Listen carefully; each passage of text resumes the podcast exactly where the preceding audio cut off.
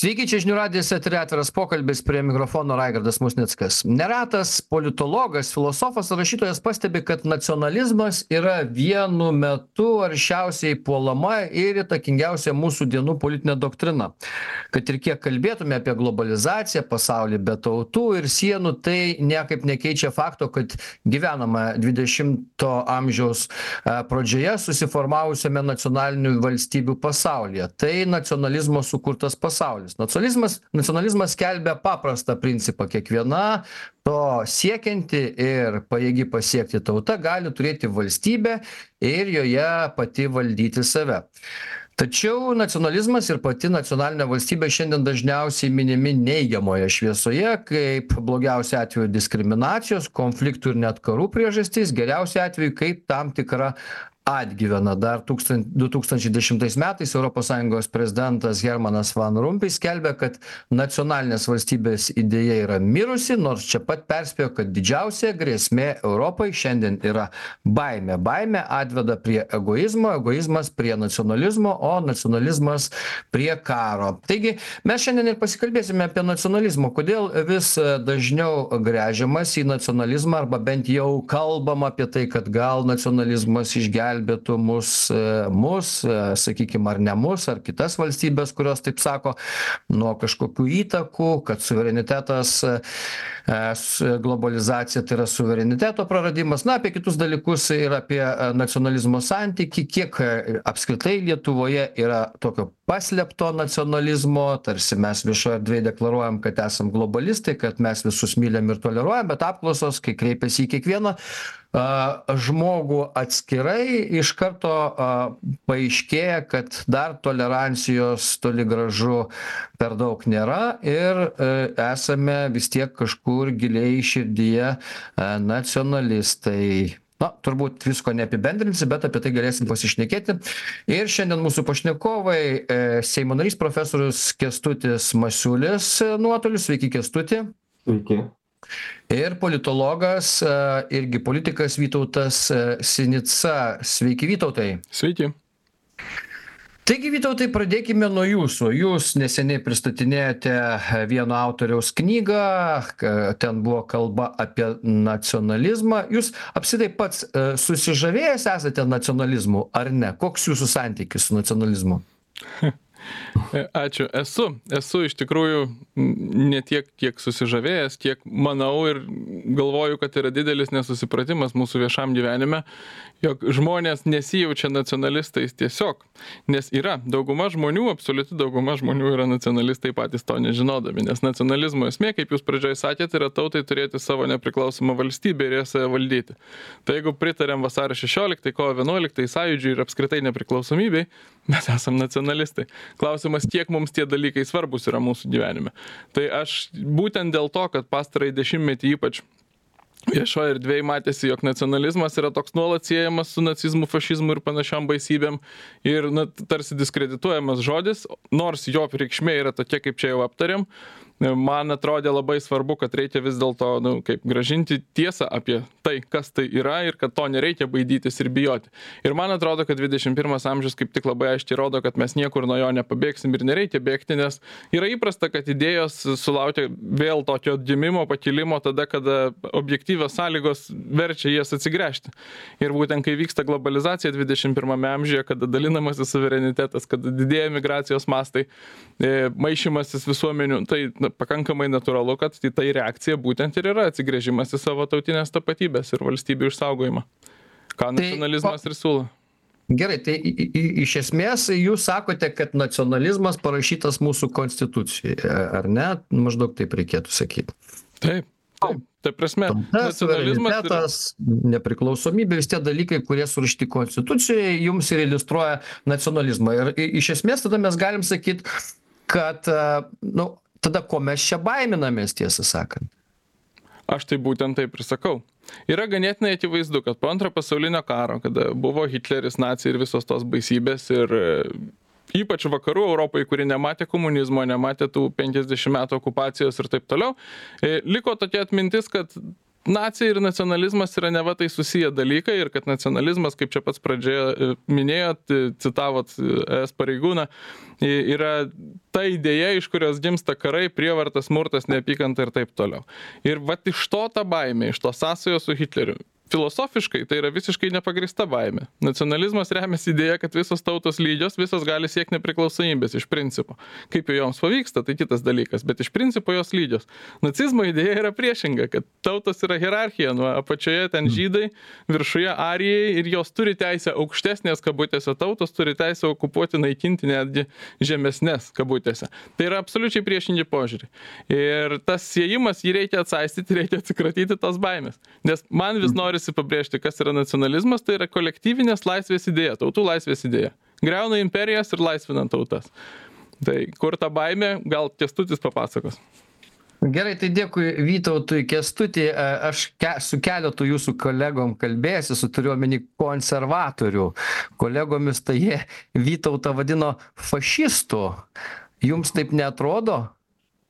Nu aš e, daug kur tą girdžiu tiesą sakant tokiuose politikų kuluaruose kad vytautą vadina tokiu o yra už ką Nes jis tik paaiškina skirtumą tarp, tarp fašizmo, man, nacionalizmo ir man jisai, e, jeigu čia mes apie asmenybės kalbam, man Vytautas yra simpatiškas žmogus, nes jisai labai nuseklus, e, konceptualus. Tai anksčiau jisai Seime darbavosi, sukiojasi, tai aš jį žinojau ir nuo tada jisai visa, visada buvo nuseklus ir išlaiko tą savo liniją, tokią nacionalistinę liniją vis dėlto nacionalistinė.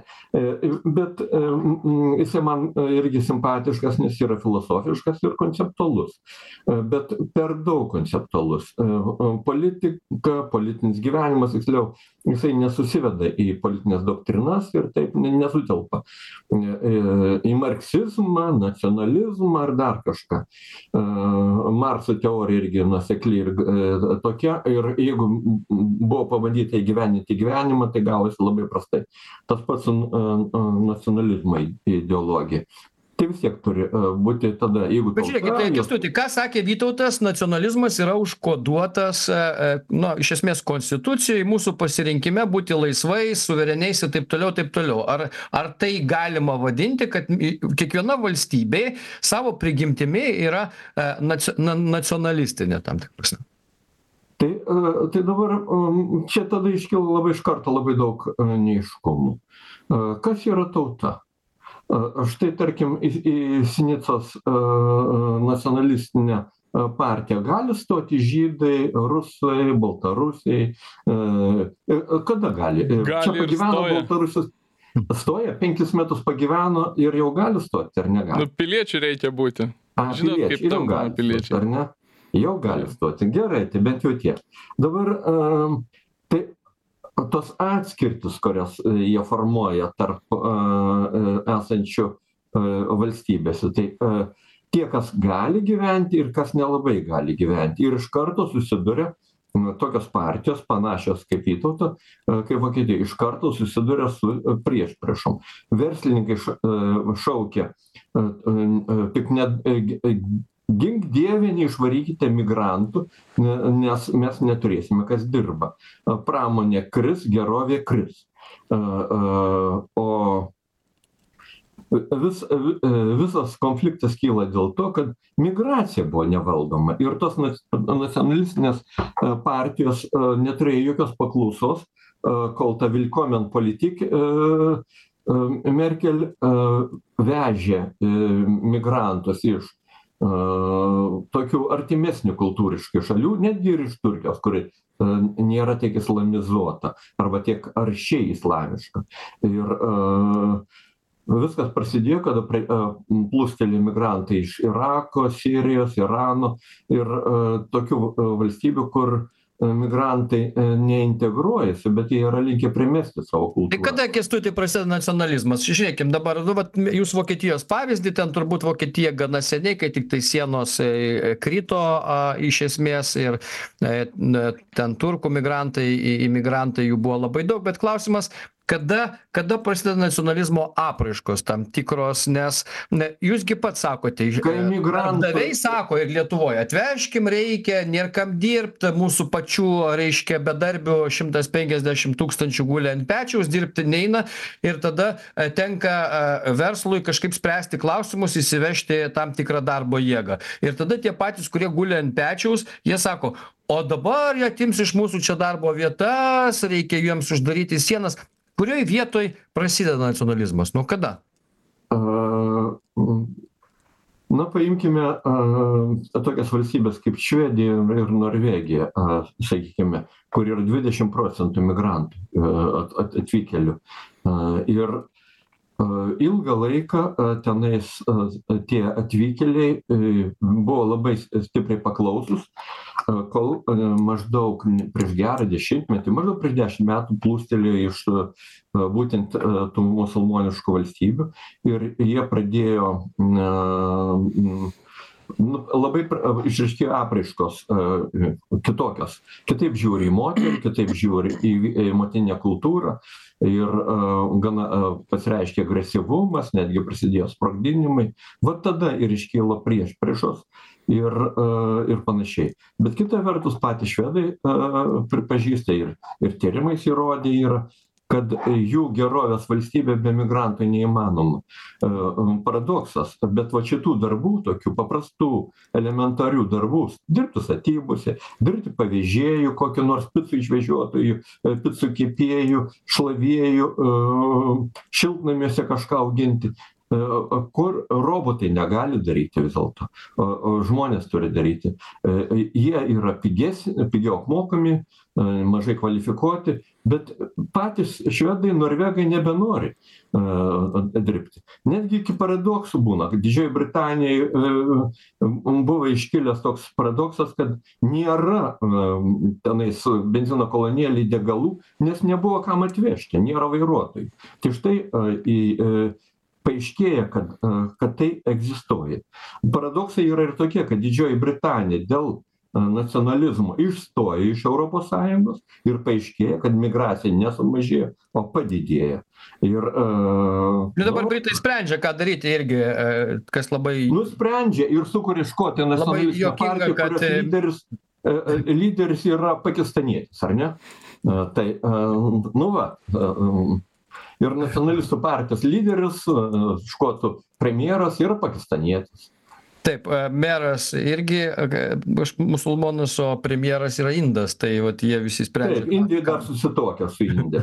Tai tai čia tai padarom padarom trumpą pertrauką. nacionalizmas sako plinta tai aš matau kad plinta globalizmas netgi tokia valstybė kuri breksitą paskelbė.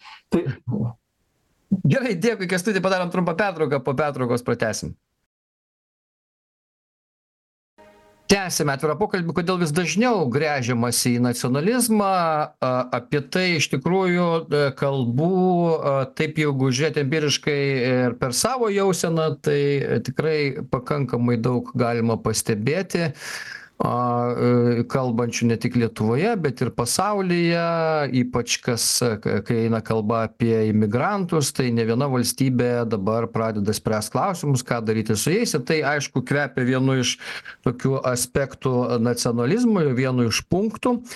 A tai toliau mes apie tai ir kalbėsimės. Kęstutis masiulis seimo narys profesorius vytautas sinica politologas irgi politikas šiandien mūsų laidoje. Tai vytautai a vis dėlto kaip reikėtų vertinti tai kas sakykim vyksta lietuvoje ir iš tikrųjų iš vienos pusės mes sakome kad mūsų ekonomika privalo gyvuoti ir reikia dėl to imigrantų ir viso kito.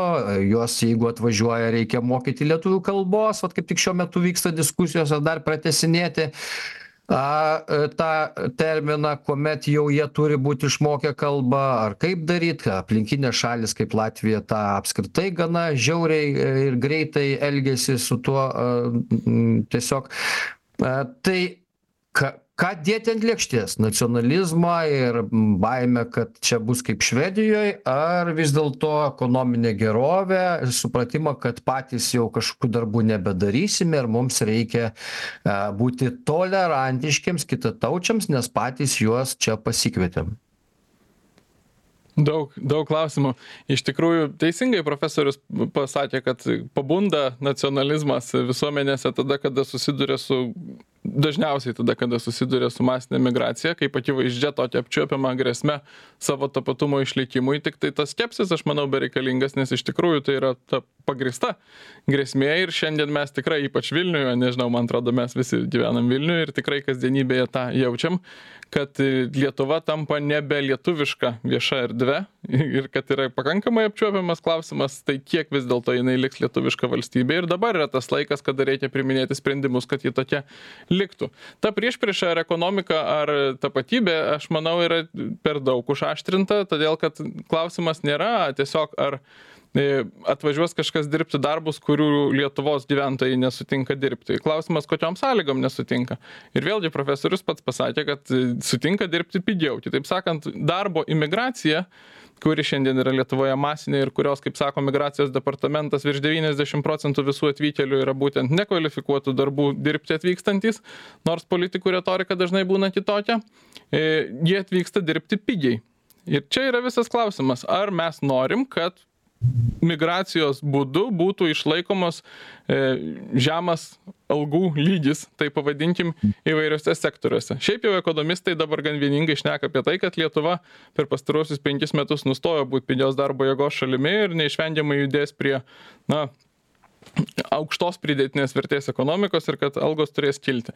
Tiems, kurie dirba, tiksliau darbdaviams, tuose sektoriuose, kuriuose vyrauja nekvalifikuota darbo jėga, masinė migracija yra tiesiog būdas išlaikyti algas žemesnės. Ir čia šiandien Vilniui tikrai simboliškai turim, turbūt daug kas matė, iš Ganos tiek straipsniuose, tiek gatvėse atvažiuoja iš Afrikos žmonės dirbti vairuotojais, dirbti sniegą valyti, šiukšlės vežti ir panašiai. Na, ir tai yra simbolis, tiesą sakant, gan ironiška, kad pačios savivaldybės įmonėse arba jom teikiančiose paslaugas yra proaktyviai stengiamasi va šitą procesą, tai yra algų mažinimą atsivežant migrantus, palaikyti. Tai aš manau, kad čia net ir ekonominė problema yra iš migracijos, o ne ekonomikai gerai, o... Bet vytautai, kada nacionalizmas atsiranda? Nu gerai, tai ne, nedirbam ir nedirbam. Nu įsivaizduokim, kad aišku, daug kur tai buvo, kai, kai šalies gyventojai nebenori dirbti šių darbų ir tada į pat, na, įsivežti reikia. Bet nu įsivežė ir įsivežė ir tu supranti kad šitie žmonės tam tikra prasme padeda mums kurti ekonomiką ir gyventi dėl ko reikia pradėti jų nemėgti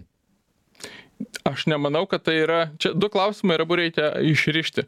E, pirma aš nemanau kad tai yra apie žmonių nemėgimą. Aišku yra tokių žmonių kurie tiesiog asmeniškai kažko nemėgsta bet mano supratimu ir bent jau tarp šviesesnės visuomenės dalies tai tikrai yra klausimas apie tai kokia bus visuomenė koks bus visuomenės veidas. Ar čia bus nu, lietuva kaip jūs vis tiek žinote turbūt gatvėse vaikštot kad ten kiti lietuviai lietuviai dažnai ten įžeidžiai pavadina užsieniečius visaip visokiais ten epitetais metais. O čia nevardinsim jų bet bet yra tas Išraiškų būna visokių. Bet man atrodo dar svarbiau atsakyti yra tą apie ekonominę naudą ir būtinybę dėl lietuvių, kurie nebenori dirbti. Tikrai, vėlgi, ekonomistai, specialistai kalba apie tai, kad sisteminis nedarbas, kai žmonės ilgai nedirba, tai nėra neišsprendžiama problema. Tai yra ta mechanizmai, čia profesoriaus Gruževskio turbūt reiktų atkreipdėmėsi tyrimus jo vadovaujamam institute. Yra būdai, kaip valstybės gali tiek mokestinėmis, tiek kitomis priemonėmis skatinti grįžti į darbo rinką ir po to iš jos nebeiškristi. Labai dažnai valstybė yra apsimoka, pavyzdžiui, mokėti tam tikras priemokas, kad tik žmogus dirbtų, nes tai formuoja jo įpročius, formuoja įprotį likti dirbti. Žodžiu, tikrai yra tų Nu, bet čia toksai truputėlį skamba, žinot, iškraipimas laisvos rinkos ir toks Lietuva lietuviams maždaug. Mes užsidarom, mokam čia geras algas ir, ir tada viskas ok, laisva rinka lai neegzistuoja, nes mes suprantam, kad yra darbo jėgos, kur yra pigesnė, kurie sutinka dirbti, kurie nesimaivydami ir, ir, ir net ten ant pečiaus neguli ir ir taip toliau. Tai e, visi darbai yra garbingi kiek moka tiek moka už juos. Tai čia jau kitas klausimas.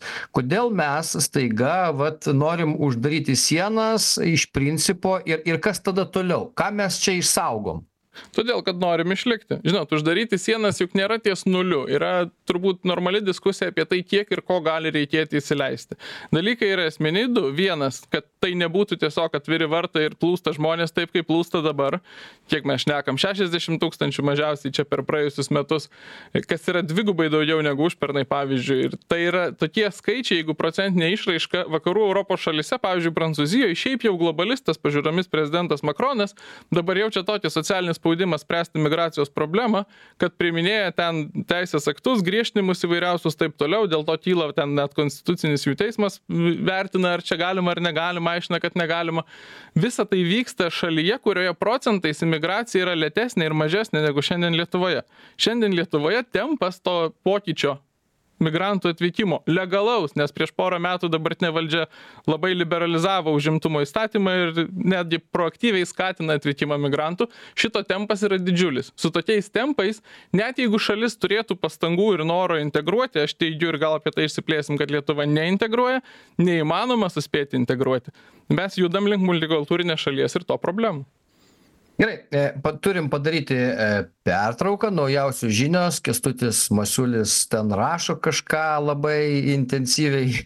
Pamatysime po pertraukos ir išgirsime ką jis užsirašė. Pertrauka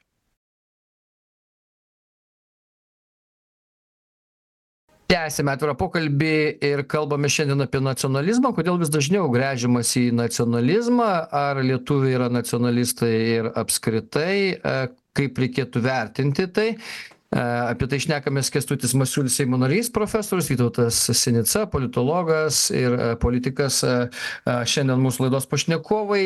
Kęstuti tai tęsiant mūsų laidą vis dėlto ką jūs manote vat kai kalbėjo vytautas e, sinica iš tikrųjų apie tai ar mums e, kažkokie pavojai gresia šiandien e, suverenumui kalbai nežinau kultūrai mūsų nes čia vytautas baigė kad jeigu mes nesugebėsime imigrantų kažkaip kultūriškai integruoti ir visaip kitaip tai e, tai tapsim multu multikultūrine valstybe kas vėlgi kelia tam tikrą pavojų išlikimui valstybės. Tokios mintys čia skambėjo. Ką jūs galvojat?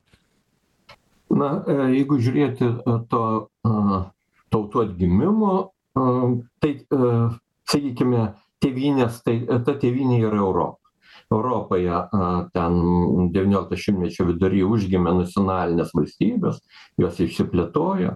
Na ir pasauly nelabai daug kur mes jų ir dar atrasime. Gal japoniją galim pripliusuot korėją o pažiūrėkime į indiją. Kur ten kokios tautos kokios nacijos? Jūs matote ten kažkokį tautų sužydėjimą ten makalynė maišalynė nu gerai o lotynų amerika? Mes galim sakyti kad lotynų amerikos valstijos valstybės yra nacionalinės? Kuria prasme? O jungtinės amerikos valstijos? Mes kalbam trumpas trampas yra nacionalistas. Tai ką reiškia tenais vien aplink niujorką penkiolika milijonų žydų? Tai kodėl jie visi nesuguža nacionalistais būdami į izraelį netgi šitas izraelis kuris vat tikrai tokia labiausia nacionalistinė valstybė. Pažiūrėkime į į į jo sudėtį. Ten turbūt nemaža dalis kalba rusiškai šeimose ir buityje. Na žydai bet žydai. bet žydai. Įrodė pagal popierį kad mama buvo žydė nu žinot tai ir jiem tas kažkaip jų nebaugina. Tai kas kas dedasi pasauly ir ir euro europoje. Tai žmonės pirmiausiai žiūri į savo piniginę ir savo gerovę. Ir labai aiškiai įvyko viena slinktis demografinis smūgis. Va apie demografiją tai rimčiau reikėtų šnekėt žmonės mes artėjam prie vieno vaiko šeimos. Visiškai ir tai yra valstybių tragedija nes tikrai paaiškėjo kad konvejeriai robotai negali pakeisti darbuotojų daugelį darbo sričių. Ir gerovė o o o europa priprato ta teritorija kurią sukūrė kurioje susikūrė nacionalinės valstybės tai šitoj teritorijoj paaiškėjo kad žmonės priprato prie gerovės Ir jie ne, e, nėra pasirengę atsisakyti nuo gerovės. O gerovę ap, aprūpina picų atvežėjas ir picų kepėjas. Ir pizzą kepti e, e, tas Britas galėtų, bet jam daug smagiau sėdėti ofise ir dirbti su kompiuteriu. E, e, tai yra skirtingi darbai. Žiūrėkit, bet mes kalbam apie pragmatiškai tokį tai pragmatiškai. Multi, multikulturalizmą, kur maždaug jeigu viską pasidarytume patys ir būtų pavėžėjai mūsų ir, tai, taip nebūna. visa kita, tai, tai tada mums kitos tautos tada kaip ir neegzistuoja. Mes čia negalime apie jokią globalizaciją. Mm. Tai dabar paimkim ir uždarykim tada sienas, nebeleiskim lietuviam emigruoti. Juk žiūrėkit, lietuviai paskelbė tų uh, nepriklausomybę 1990, taip, paskelbėm nepriklausomybę. Baltijos kelią susikimbame visi čia bučiuojamės su latviais estais. Ir ir tabūnai lietuvių traukia į norvegiją švedijas. Nu ten norvegijos ateina į tautinius susirinkimus pamojuojam vėliavėlėm žalgirio varžybas pažiūri. Tai čia nacionalizmas iš norvegijos tai tvarkoj. E, e, kodėl kur kur tai kodėl nekuria tos lietuvos? Va čia picas nekepa nevežioja čia e, nekuria gerovės lietuvoj. O nori gerovės iš karto gatavos. Vat gatavos kitoj valstybėj. Kodėl? Kur tas nacionalizmas? A sinica kodėl neįtikino lietuvių? Pagimdyti vaikų pakankamą kiekį kad jie dirbtų stroikėse. Kodėl? Vat kodėl jie neįtikina tie nacionalistai. Gerai, tai čia klausimas, na gerai, baigime. Bijau, kad kai kokie FD, e, e, jeigu iš tikrųjų sugebėtų Vokietijoje ko, aš ką tik grįžęs iš komandiruotės iš Vokietijos, tai e, verslininkai ir, ir ekonomikos tyrėjai, turėjau tokį pokalbį su ekonomistais, su, su profesūra. Ir tai jie pakraupė, sako, labai bijo to FD jeigu tiktais gautų valdžią tai sugriautų vokietijos ekonomiką. A a tikrąja šio žodžio prasme. Tai čia į a visokias va tokias fikcijas ir įsivaizdavimai kad įmanoma išvaryti tuos žmones tai visų pirma teisiškai neįmanoma antras ekonomiškai neįmanoma. Tai am nu mes kitaip neturim kaip gyventi. Jeigu jeigu a a nenorime sugriauti savo gerovės. O jeigu norime nesugriauti tai tada turim protingai valdyti demografiją. Ir vadinasi lietuvoje mes neturim tokių priešpriešų konfliktų ir nacionalizmo. Ir neturim netgi terpės nacionalistinėm partijom gerai reikštis nes gerai valdome emigrantus. Lietuvoje su migracija viskas tvarkoj yra. Tiktais mes pamatome kad gali būti pavojų mes apie tuos pavojus pradedam šnekėti ir juos valdom gerai tai e, dėkui kęstuti. Iš tikrųjų e, vytautai vat mes e, sakom aha reiktų kažkaip čia su tom sienom pareguliuoti bet kai patys čia klausimas buvo išvažiuojam kur nors į ten švediją norvegiją vokietiją ar didžiąją britaniją.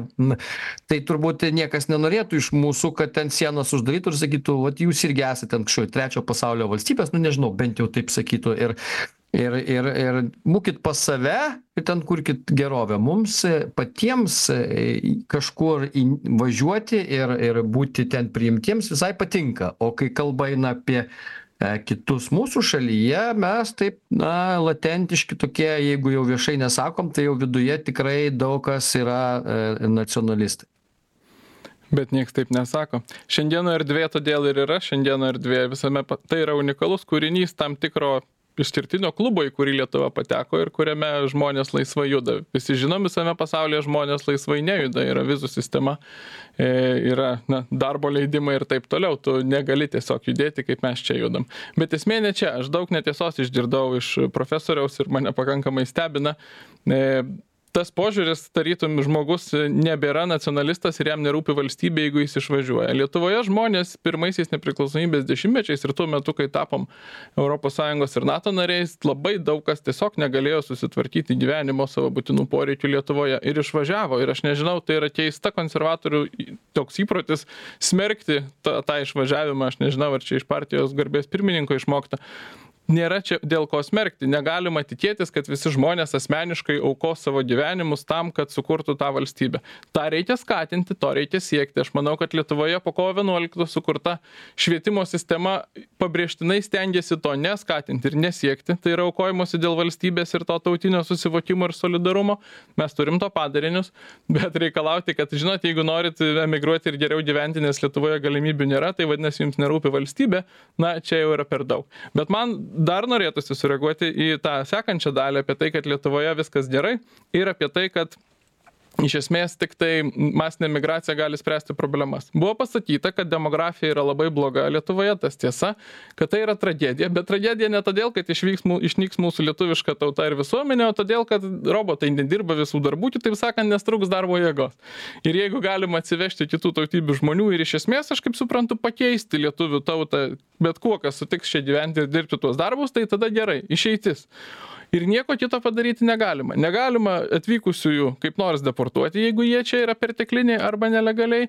Negalima išspręsti demografijos tiesą sakant ne neįmanoma o niekas nebandė. Bandė čia minėtas turbūt kaip blogas pavyzdys kačinskis. Bandyta buvo vengrijoje bandyta dar keliose šalyse rezultatai dar neatėjo nes nė dešimtmečio tai nebuvo daroma. Bet tiesą sakant pažiūrėkit į tas šalis kurios bandė višegrado šalis jose kreivė gimstamumo pradėjo augti aš manau kad vien išmokomis vien ekonominėmis priemonėmis tai nėra išsprendžiama. Tai yra išsprendžiama ir tam tikra na kultūrine terpe požiūriu į gyvenimo prioritetus ugdymu. Šiandien visa visa popkultūra jau antrą dešimtmetį o gal ilgiau aš neatsimenu ugdo požiūrį kad na daugiavaikis gyvenimas tai yra kažkokia nesėkmė asocialu vos ne gyvenime svarbu tik karjera ir taip toliau.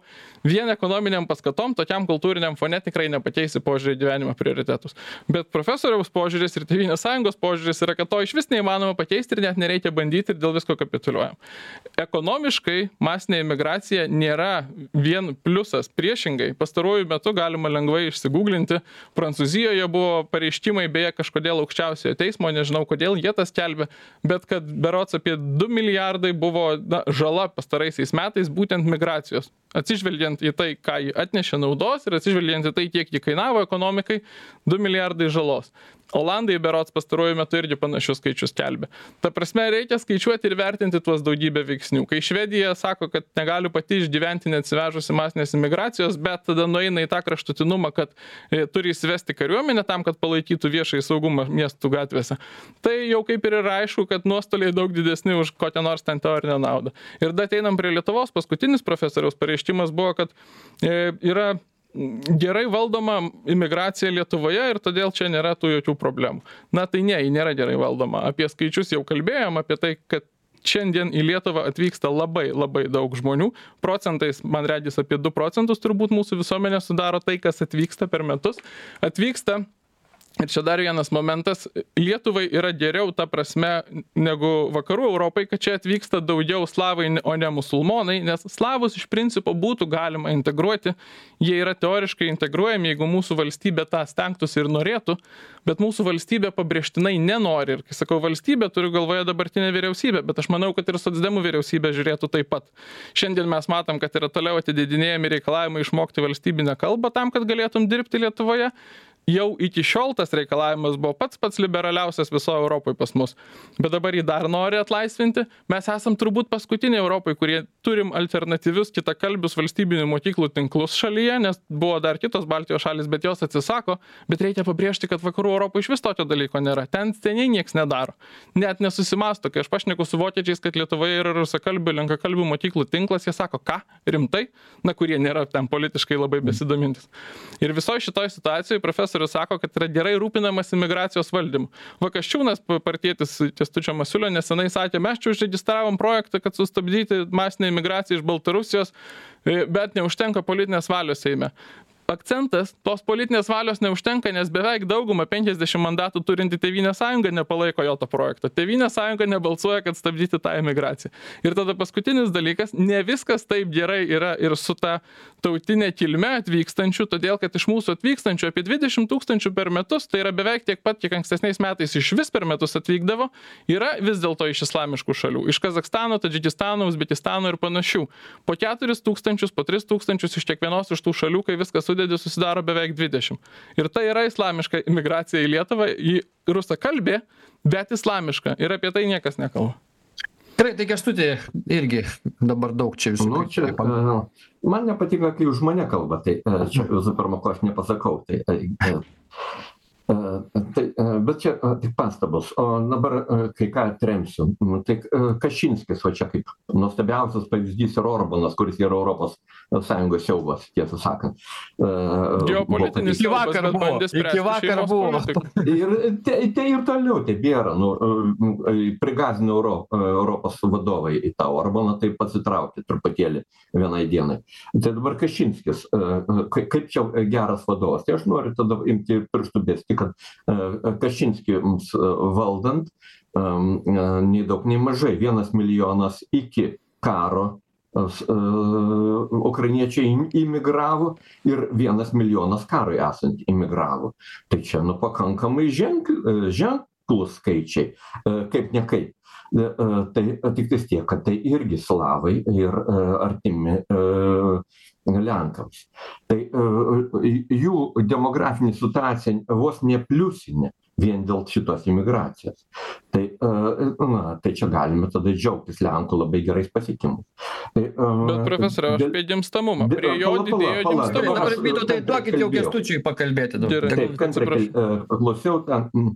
Tai, tai, tai vadinasi, nu, aišku, nacionalistas turėtų iš karto, koks nuseklus nacionalistas, durti pirštu ir kritikuoti šitokią politiką. Bet Lenkai per tai iš tikro savo bėdas pakankamai gerai sprendžia. Na, dabar Bet ir tai Kašinskis, Kašinskis neišrinktas, pratila. Tai vadinasi, jie buvo geri nacionalistai, labai tokie nuseklus ir pratilo rinkimus. Kažkas neseina galai. Tai tas nacionalizmas absoliučiai nieko, nieko bendro neturi su, su politika, kurią žmonės vertina. Na, dėl, dėl migracijos valdymo. Lietuvoje aš nematau nacionalinių konfliktų. Jokių, absoliučiai. Jūs matote, kad čia kas nors pas mus sprogdintų, ką nors. Jūs matote, kad moters teisės būtų pažeidinėjimas. Aš nematau. Viskas yra absoliučiai norm, normaliai. Vienintelė iš tikrųjų diskutuotina tema ir kurią aktyviai diskutuojama, kaip geriau juos integruoti kalbiniu požiūriu ir kultūriniu požiūriu. Tai čia tikrai svarstytinos temos ir tikrai yra ką pagerinti. Dėl to nereikia nieko ginčytis ir diskutuoti. Galima diskutuoti iš tikrųjų ir verta diskutuoti dėl tautinių mažumų mokyklų. Gal mes čia esame per daug liberalūs, jau labiau, kad tai ir nepigiai kainuoja valstybė. Tai irgi galima diskutuoti. Bet tai nieko bendro neturi su imigracija, tos tautinės mažumų mokyklos. Jos visą laiką egzistavo. Absoliučiai. Visą laiką egzistavo. Tai čia, na ir mes kaip matome, vėl į ką susiveda nacionalistų diskusijos. Vien į imigraciją. O aš kalbu, kad žmonėms rūpi visai kitos temos. Jeigu čia jie nemato žmogaus teisų pažeidinėjimo, kad jų niekas gatvėje neužpuldinėja, nėra jokių sprogdinimų. Jie mato, kad moterų, moterų ir vaikų teisės yra normoje. Moteris neverčiamas paklusti vyrams, vaikai nediskriminuoja mergaitėm, leidžiama lankyti mokyklas ir panašiai viskas tvarkoj. Tai dabar vėlgi tada atskirkime tas musulmoniškas valstybės, kurios posovietinės yra jeigu mes galima vadinti musulmoniškas sekularizuotas valstybes tokias kaip Kazakstanas. Sekularizuota ta visa Sovietų sąjunga buvo. Tai čia taip kaip Švedijoje, tik tais keli procentai žmonių save laiko tikinčiaisiais ar Norvegijoje. Tik, tik keli procentai. Tai čia tas pats. Tai čia, žinot, musulmonas iš Uzbekistano turbūt nemoka ten musulmoniškai kažkokiu ten, nežinau, maldų pasakyti. Tai Gaila, laikas eina į pabaigą. Jie visai kas kita negu sirai. E, dėkui, Kestutė. Vytautai, labai trumpai, čia pusę minutės praktiškai liko. Mes tikrai daug labai dėmesio skiriam imigracijai, kitataučiams, čia kurių maždaug e, turėtume e, visai galvoti, ką su jais daryti, bet iš kitos pusės, negi mums nesinori, sakykime, pasisemti kažkokios patirties ir iš kitų tautų, ar, ar būtina kažkaip dėl to, gal ir apie tai reikia pagalvoti tai labai trumpai. Patirties semtis iš tautų vieni kitoms reikia tam galima keliauti bendrauti šiais laikais komunikacijos viską leidžia tam nebūtina užsivežti kitataučiais viena. Ir dar trys dalykai. Nacionalistai europoje visur šiuo metu tik auga. Tas pats kačinskis šiaip jau laimėjo rinkimus surinko daugiausiai tik nesuformavo vyriausybės. Kitas dalykas čia minėjo kad nėra problemų nes nėra sprogdinimų nėra smurtinių nusikaltimų prieš moteris.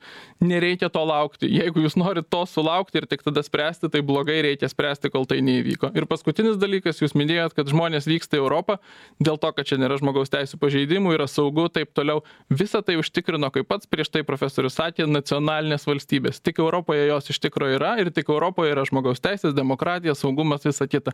Tai yra ne atsitiktinumas tai yra nacionalinių valstybių bruožas. Azijoj afrikoj ir kitur kur nėra nacionalinių valstybių yra faktiškai identinė santvarka nei saugumo nei demokratijos nei žmogaus teisių nėra. Tai tiek. Gerai, matyt, daug čia galima dar būtų kalbėti, argumentai yra ir už ir prieš, visų čia neišgirsime kiekvieno. Bet ten negentinės santvarkos, ten diktatoriai tai va širdis turi pasakyti kaip mes turime elgtis su savo nacionaline valstybe kiek mes ją turime ginti kiek būti a atviri. Tai apie tai matyt diskusijų dar reiks nemažai. Dėkui profesoriui kęstučiui masiuliui dėkui politologui vytautui sinicai ačiū visiems kas klausėsi tai buvo atviras pokalbis. Iki kitų kartų